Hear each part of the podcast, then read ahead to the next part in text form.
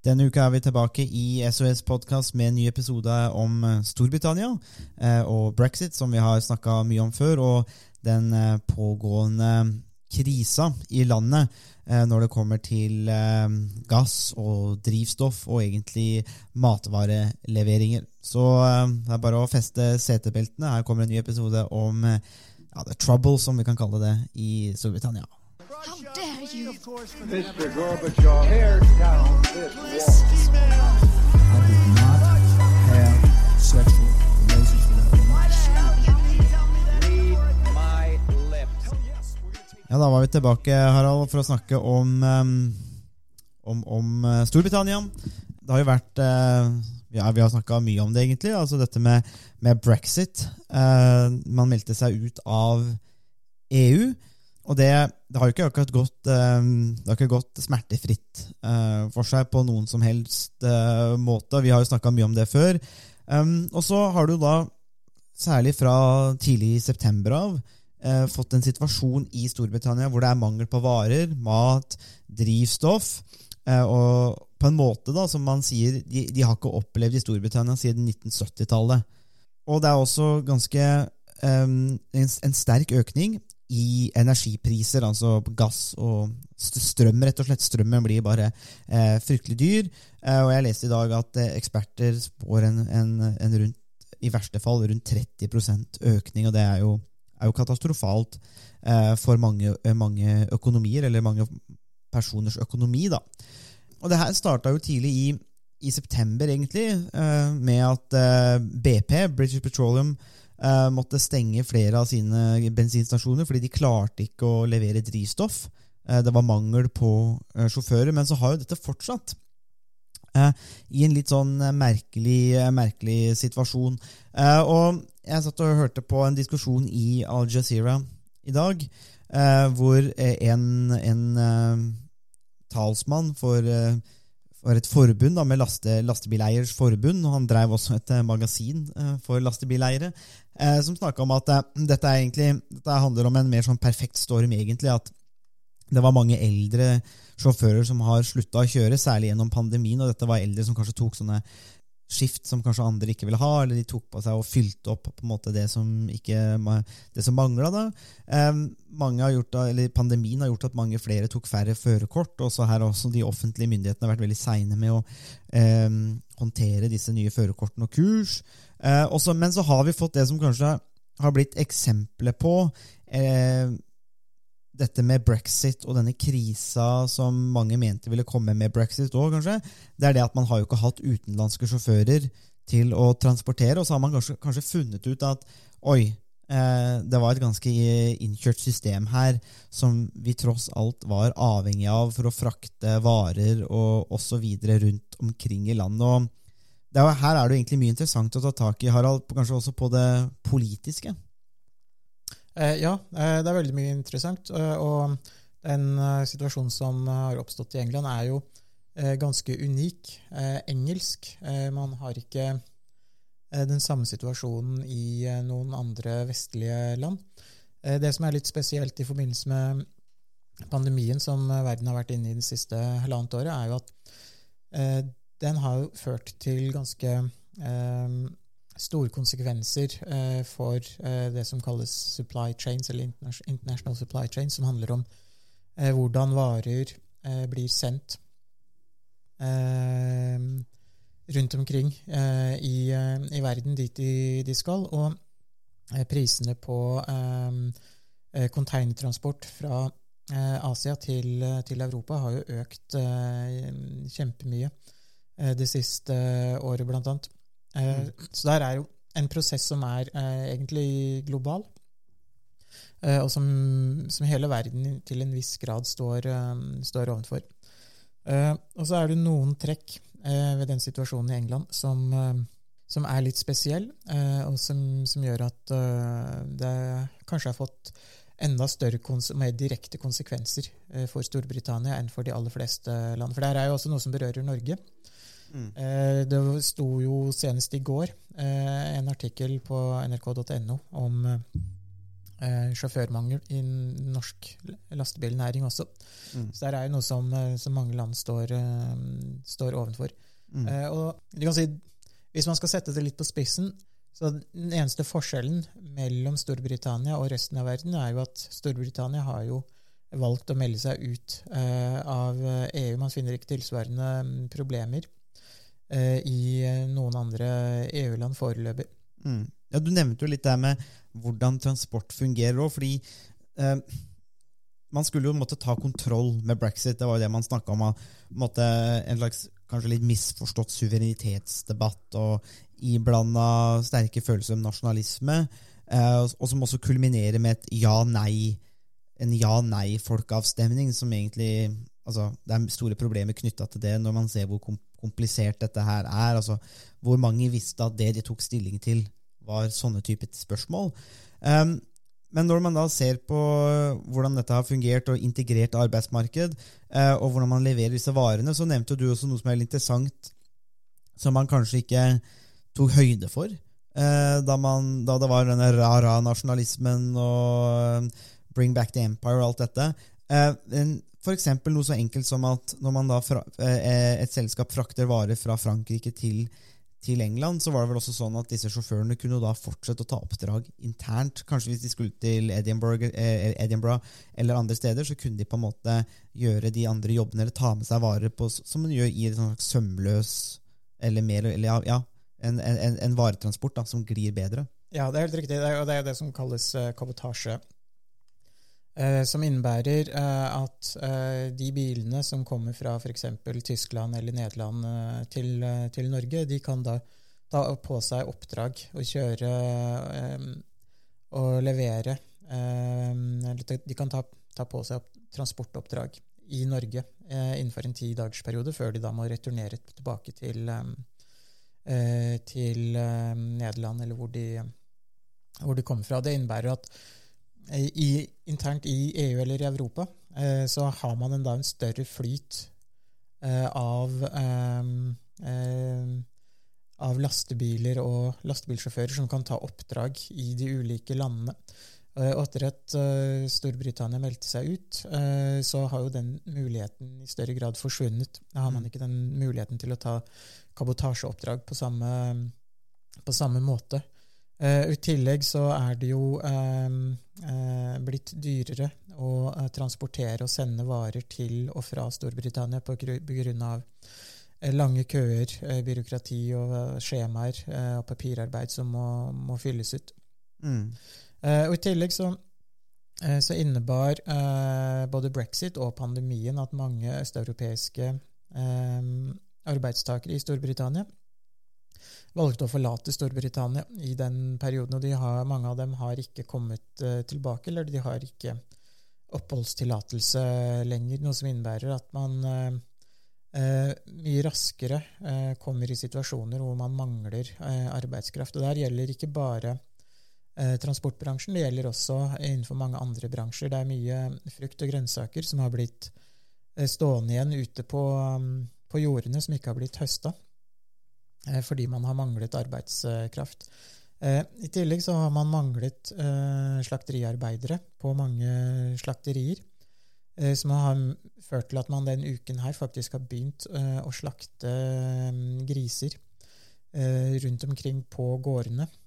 Og det, de grisene blir, blir, jo da bare destruert i, i, etterkant, eller sendt til oppmaling for protein og andre og mer sånn industrielle eh, produkter. De ender ikke opp som, eh, som, mat. Det er jo, jeg tenker jo det der med kabotasje som du nevner, da, og disse oppdragene, er jo interessant, fordi det gir jo også mening altså Det gir mening på mange måter, eh, men det gir også mening la oss si, i et grønt perspektiv. altså at Hvis man først har, har sendt en lastebil fra Nederland til Råde med epletrær, som det sikkert er gjort, Um, så jeg gir det mening at på veien tilbake at man ikke kjører med tom bil nødvendigvis, men kan man ta oppdrag på veien, og eventuelt ta oppdrag på vei tilbake til opprinnelseslandet dit du må, da, så må det være mye bedre bruk av de ressursene enn å sende tomme trailere rundt omkring, fordi at, eh, at nei, det er ikke oppdrag som man skal få lov til å ta.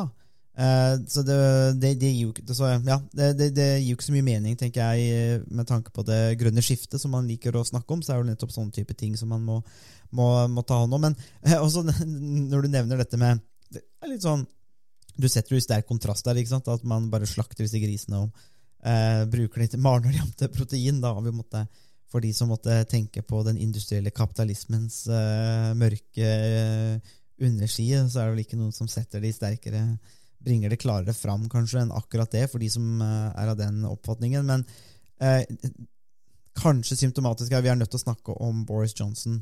Eh, fordi at eh, på et spørsmål om dette Han fikk jo et spørsmål fra BBC, eh, så jeg, om, om hva han tenkte om den situasjonen. Og spørsmålet var jo nettopp dette at er det ikke for gæli at eh, så mange griser må slaktes og, og destrueres for ingenting, og, og underforstått at dette burde vi jo fått ut til markedet, altså mat, altså nyttiggjort oss av dette. Det blir jo bare bortkasta.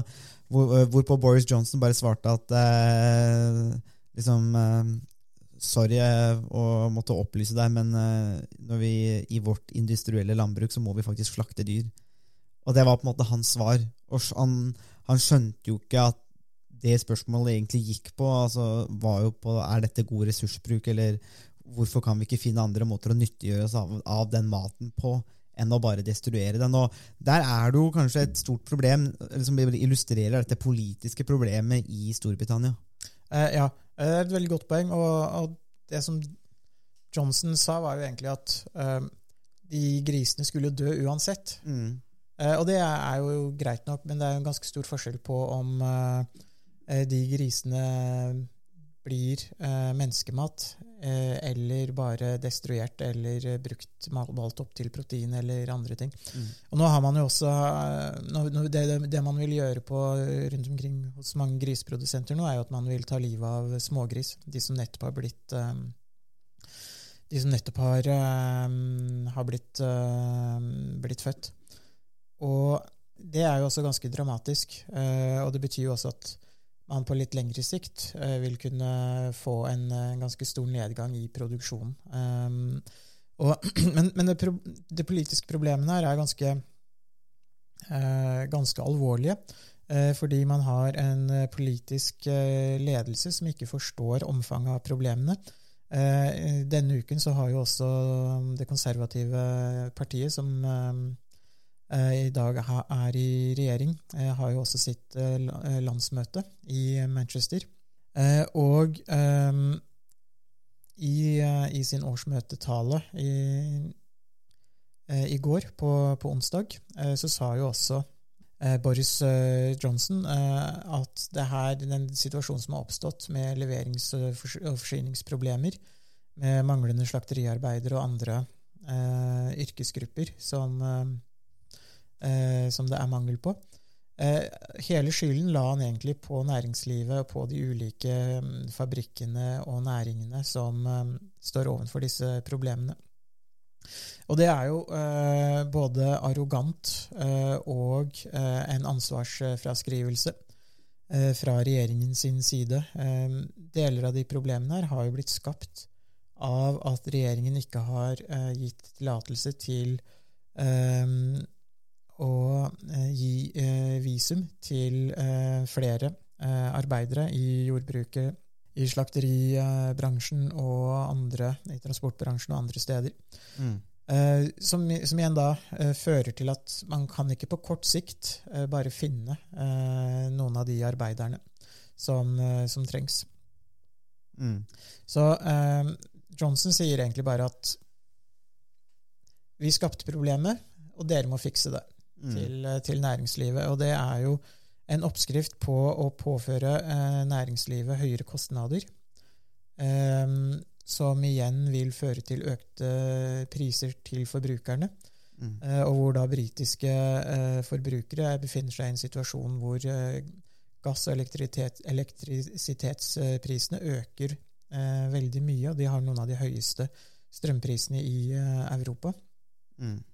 Eh, pluss at de da får høyere eh, bensin-dieselkostnader enn, eh, enn, i mange andre land. Eh, pluss eventuelt dyrere kjøtt og andre produkter, og at transport generelt blir dyrere, som vil være med på å øke prisen på mange, mange varer og tjenester.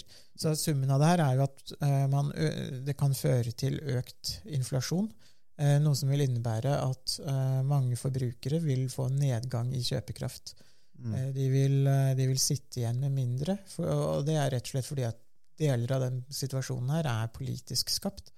Eh, og eh, det vil jo igjen føre til lavere forbruk, eh, som igjen vil kunne føre til lavere skatteinntekter osv. Så, videre. så det kan føre til en ganske en negativ spiral hvis man ikke får kontroll over situasjonen. Mm. Og Johnson uh, sa jo også i sin uh, årsmøtetale i går at han har en ambisjon om at Storbritannia skal bevege seg fra å være en uh, low wage Eh, økonomi, altså som er basert på, på lave, lave, lønninger og lav produktivitet, til å bli en high wages, high productivity-økonomi. Og, det høres jo veldig bra ut. Hvem vil ikke være det? Ja, hvem vil ikke det? Men problemet er at det her vil jo også ha noen kostnader, og man kan ikke bare liksom bestemme seg for at man skal ha en økonomi med høy produktivitet. Mm. Man må, Grunnlaget for høy produktivitet er, er jo i utdannelse. Eh, og kompetanse og eh, investeringer i eh, maskiner og mm. infrastruktur. og når de investeringene ikke kan bli gjort fordi at kostnadene allerede øker både for bedrifter og eh, hver enkelt i Storbritannia, så er det færre som vil ta den utdannelsen som kan føre til mer eh, produktive jobber, og det er færre bedrifter som kan eh, ta seg råd til investeringer i nye maskiner og i eh, utstyr som kan øke produktiviteten. Så det, det, her kan bli en veldig dramatisk situasjon. Eh, og eh, noen i Storbritannia, noen kommentatorer og politikere, er jo redd for at man bare, står, liksom, bare har sett begynnelsen av de supply chain-problemene som man kan eh, muligens stå, stå ovenfor at det vil bli mye verre utover høsten og vinteren. Ja, jeg tenker jo også at når når et liberalt demokrati må sette inn militæret for å kjøre drivstoff, eh, da er det, et, det er et ganske alvorlig tegn. Det er ikke noe man bare skal le bort og tenke ja, men vi har jo militæret. Men, og det er for så vidt bruk av statlige ressurser, så man kan jo si det at man bare omdisponerer statlige ressurser. Men det er noe med det at eh, det, ja, det er kanskje sånn man kunne gjort i Øst-Tyskland eller Nord-Korea eller Sovjet, men Eh, det er jo ikke noe man har lyst til å se i et eh, liberalt demokrati. Der skal man jo helst ha disse tingene på G. Dette er jo noe som det sivile samfunnet er nødt til å ordne, ikke det militære. Eh, for da er det jo noe som har spilt fallitt her, tenker jeg. Og så, Det er jo, det er jo latterlig, syns jeg, litt det der med at man at nå skal vi og Jeg så i hvert fall i talen til Boris Johnson at han snakker om å bli dette høy, høyt lønna høye ferdigheter og høye, høy produktivitet. Eh, og det er jo Ja, hvem vil ikke det? Um, så ser jeg det at eh, planen er da å ta tak i de største underliggende årsakene som rammer økonomien og samfunnet, på en måte som ingen andre regjeringer har hatt mot til å gjøre før. Da tenker jeg liksom Men hva, hva, hva, hva er det? Eh, for det blir jo litt det derre at man, ja, man, man, man skifter form, men ikke innhold. Det er vanskelig å se. Da kunne man vel kanskje ha starta med disse problemene før. Det er jo ikke noe, Man må jo ikke vente på en enorm krise før man eh, tar tak i problemer. Det er jo lov å ta tak i en del strukturelle problemer eh, på forhånd. Og så er jo spørsmålet hva om det strukturelle problemet eh, til dels måtte er brexit, eller blir forverra av den situasjonen når den europeiske fordi det, det, Dette er kanskje litt av problemet for de som er EU-motstandere, og det er jo greit, men problemet er jo på en måte at europeisk økonomi integreres jo mer og mer enten du vil det eller ikke. Altså, det, er jo, det, er jo, mange ting som skjer, og vi er jo avhengig av det. og Det sitter jo folk som er veldig sinna på EU, men samtidig setter pris på å kunne reise eh, passfritt inn av Schengen. Eller bare kunne hoppe på flyet til Mallorca eller Tenerife, og som bare sitter der og buer til alle disse, til EU og all immigrasjonen, men som likevel setter pris på de godene. og det, det er jo en del av pakka. Og, og det er jo kanskje det måtte, mange, eller som Johnson og hans cronies, som vi kanskje kan kalle det, måtte ikke helt ha forstått. da, Eller kanskje ikke de vil forstå, eller kanskje ikke de bryr seg. Eh, og så ser jeg også at dette kommer litt der nasjonalistiske tilbake, og dette med at dette skal erstattes med såkalt British workers, altså de britiske arbeiderne. og der, Disse skal man jo da på en måte eh, invest, investere i. Um, og så sier han, sier han at eh, vi skal ikke gå tilbake til den samme gamle modellen med lave lønninger, lav vekst, lav, lave ferdigheter og lav produktivitet. Uh, men så kommer jo nøkkelen. Uh, og så sier han at all of it enabled and assisted by uncontrolled immigration. Uh, så det virker jo som at immigrasjon det er det som har muliggjort og forverra krisa som de står overfor. Eh, så betyr det at eh, den, den eh, at Tory, Toryene, da, et eh, høyreparti i Storbritannia, ser at løsningen på dette er ikke et liberalt marked eller fri ferdsel av kunnskap og talent, men det er rett og slett en kontrollert migrasjon. Man må stoppe de, og, og, betyr det store statlige programmer for å løfte britene opp? Er det det, er det det det er snakk om?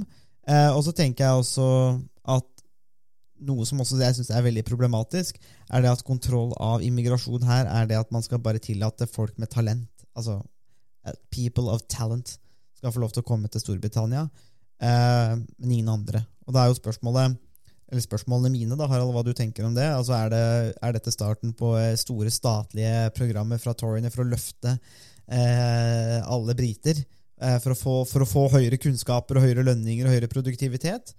Uh, og så er jo nummer to er jo det uh, Ja, selv om man bare vil at alle de talentfulle skal komme, vil, kan de da si at Eller har de da noen bevis for at folk med talent og kunnskap faktisk vil til Storbritannia? For det, det ser man ut til å kanskje ta for gitt. Uh, ja, veldig gode spørsmål.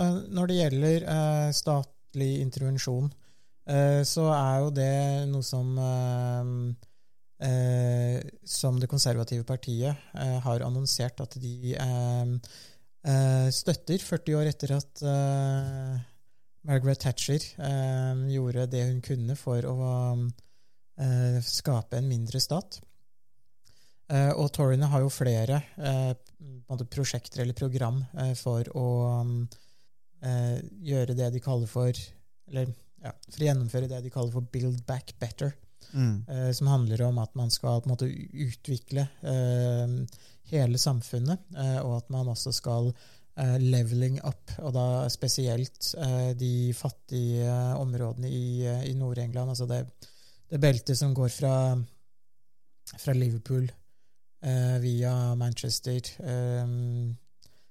deler av ja, altså Sheffield, eh, Leeds, mm. York, Newcastle, altså hele det, det beltet i Nord-England, hvor det er mye større fattigdom enn i sørøst, sørvest eh, England.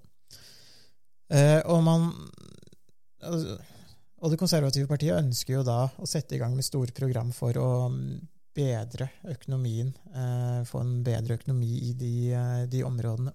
Mm. og så langt, etter rundt ti år med konservativt styre, så har det ikke vært store framskritt på den fronten. Og um, det er jo en av de store sakene til Boris Johnson, fordi han fikk stor støtte uh, blant mange av de um, uh, som var for brexit uh, i, i Nord-England. mange av de som var kritiske, eller som var, som, som var for brexit, de stemte på det konservative partiet i, 20, i valget i 2019. Eh, så eh, det her vil eh, medføre ganske stor, store investeringer i infrastruktur, i universiteter, utdannelse, arbeidsplasser i Nord-England.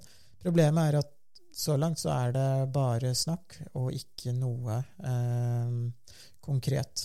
Og I tillegg til det med innvandring og produktivitet, så kan man jo se at uh, her i Skandinavia, uh, Tyskland, Nederland, ganske store deler av Vest-Europa, så har man jo klart å bygge opp en høyproduktiv økonomi, selv med innvandring.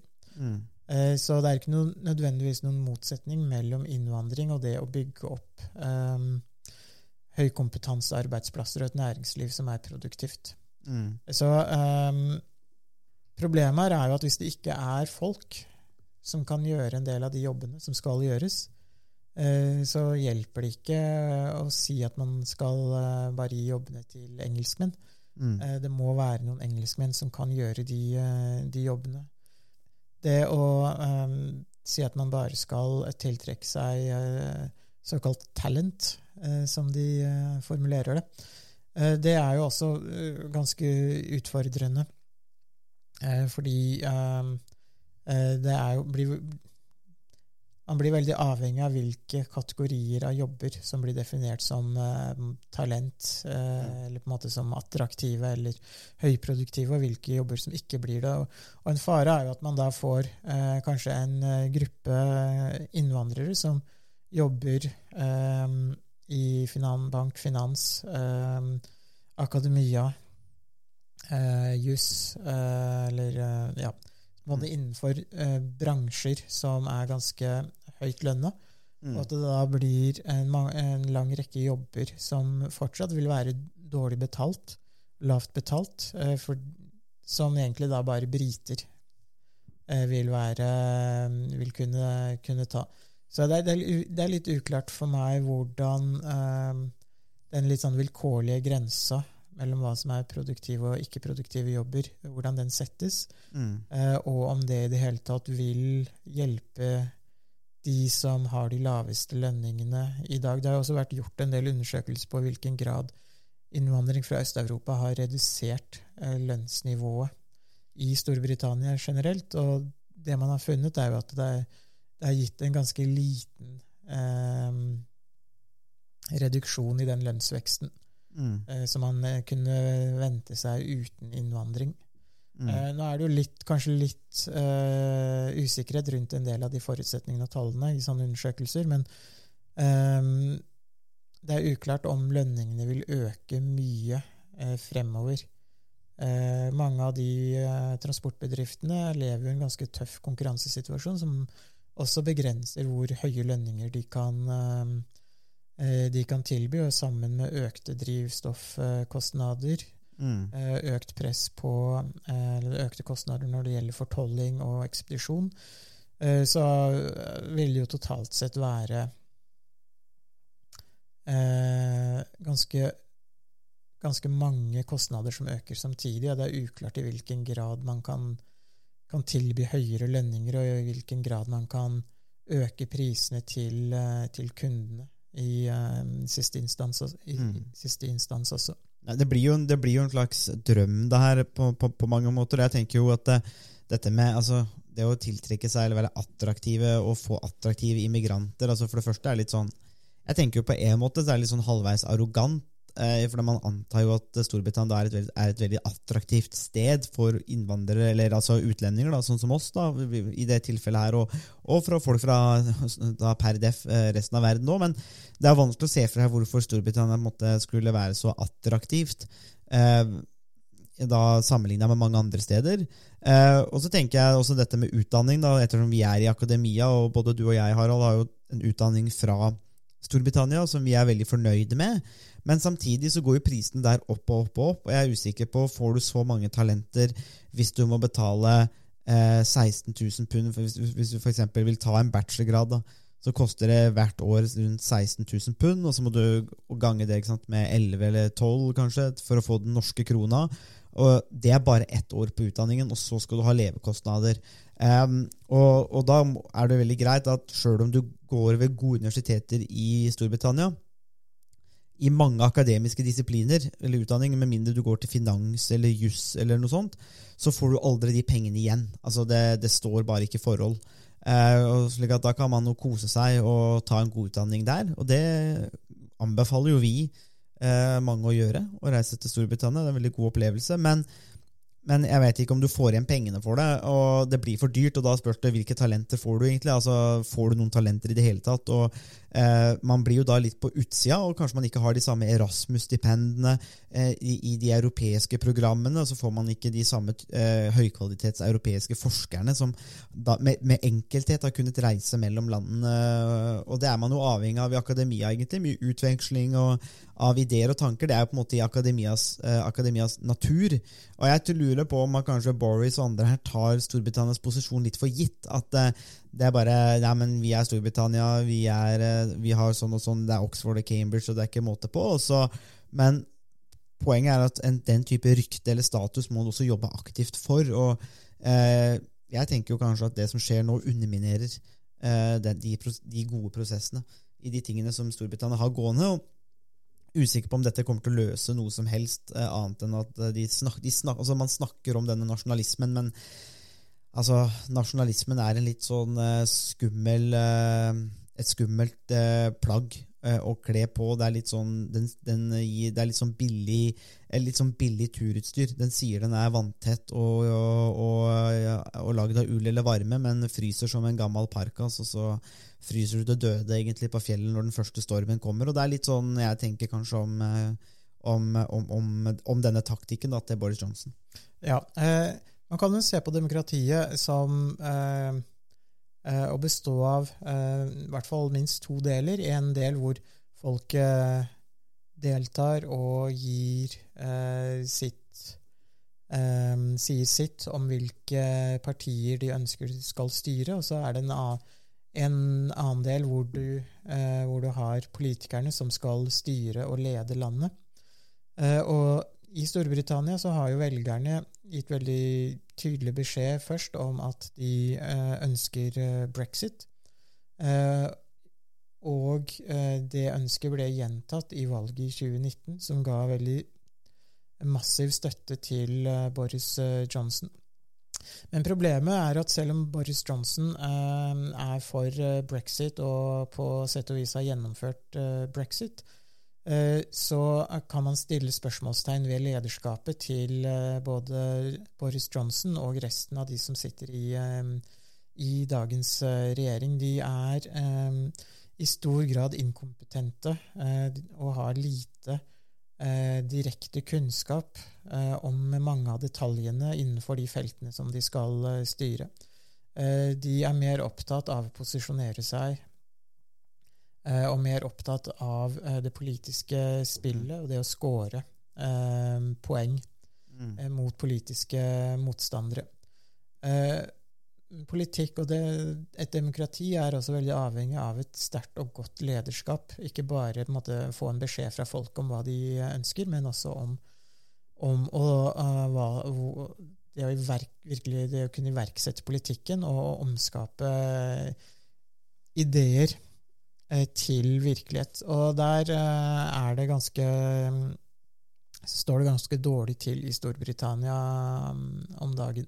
Mm. Og det er et uh, kjempestort problem uh, som uh, det er vanskelig å se hvordan man skal, skal løse. Og så har de jo litt sånn anemisk opposisjon.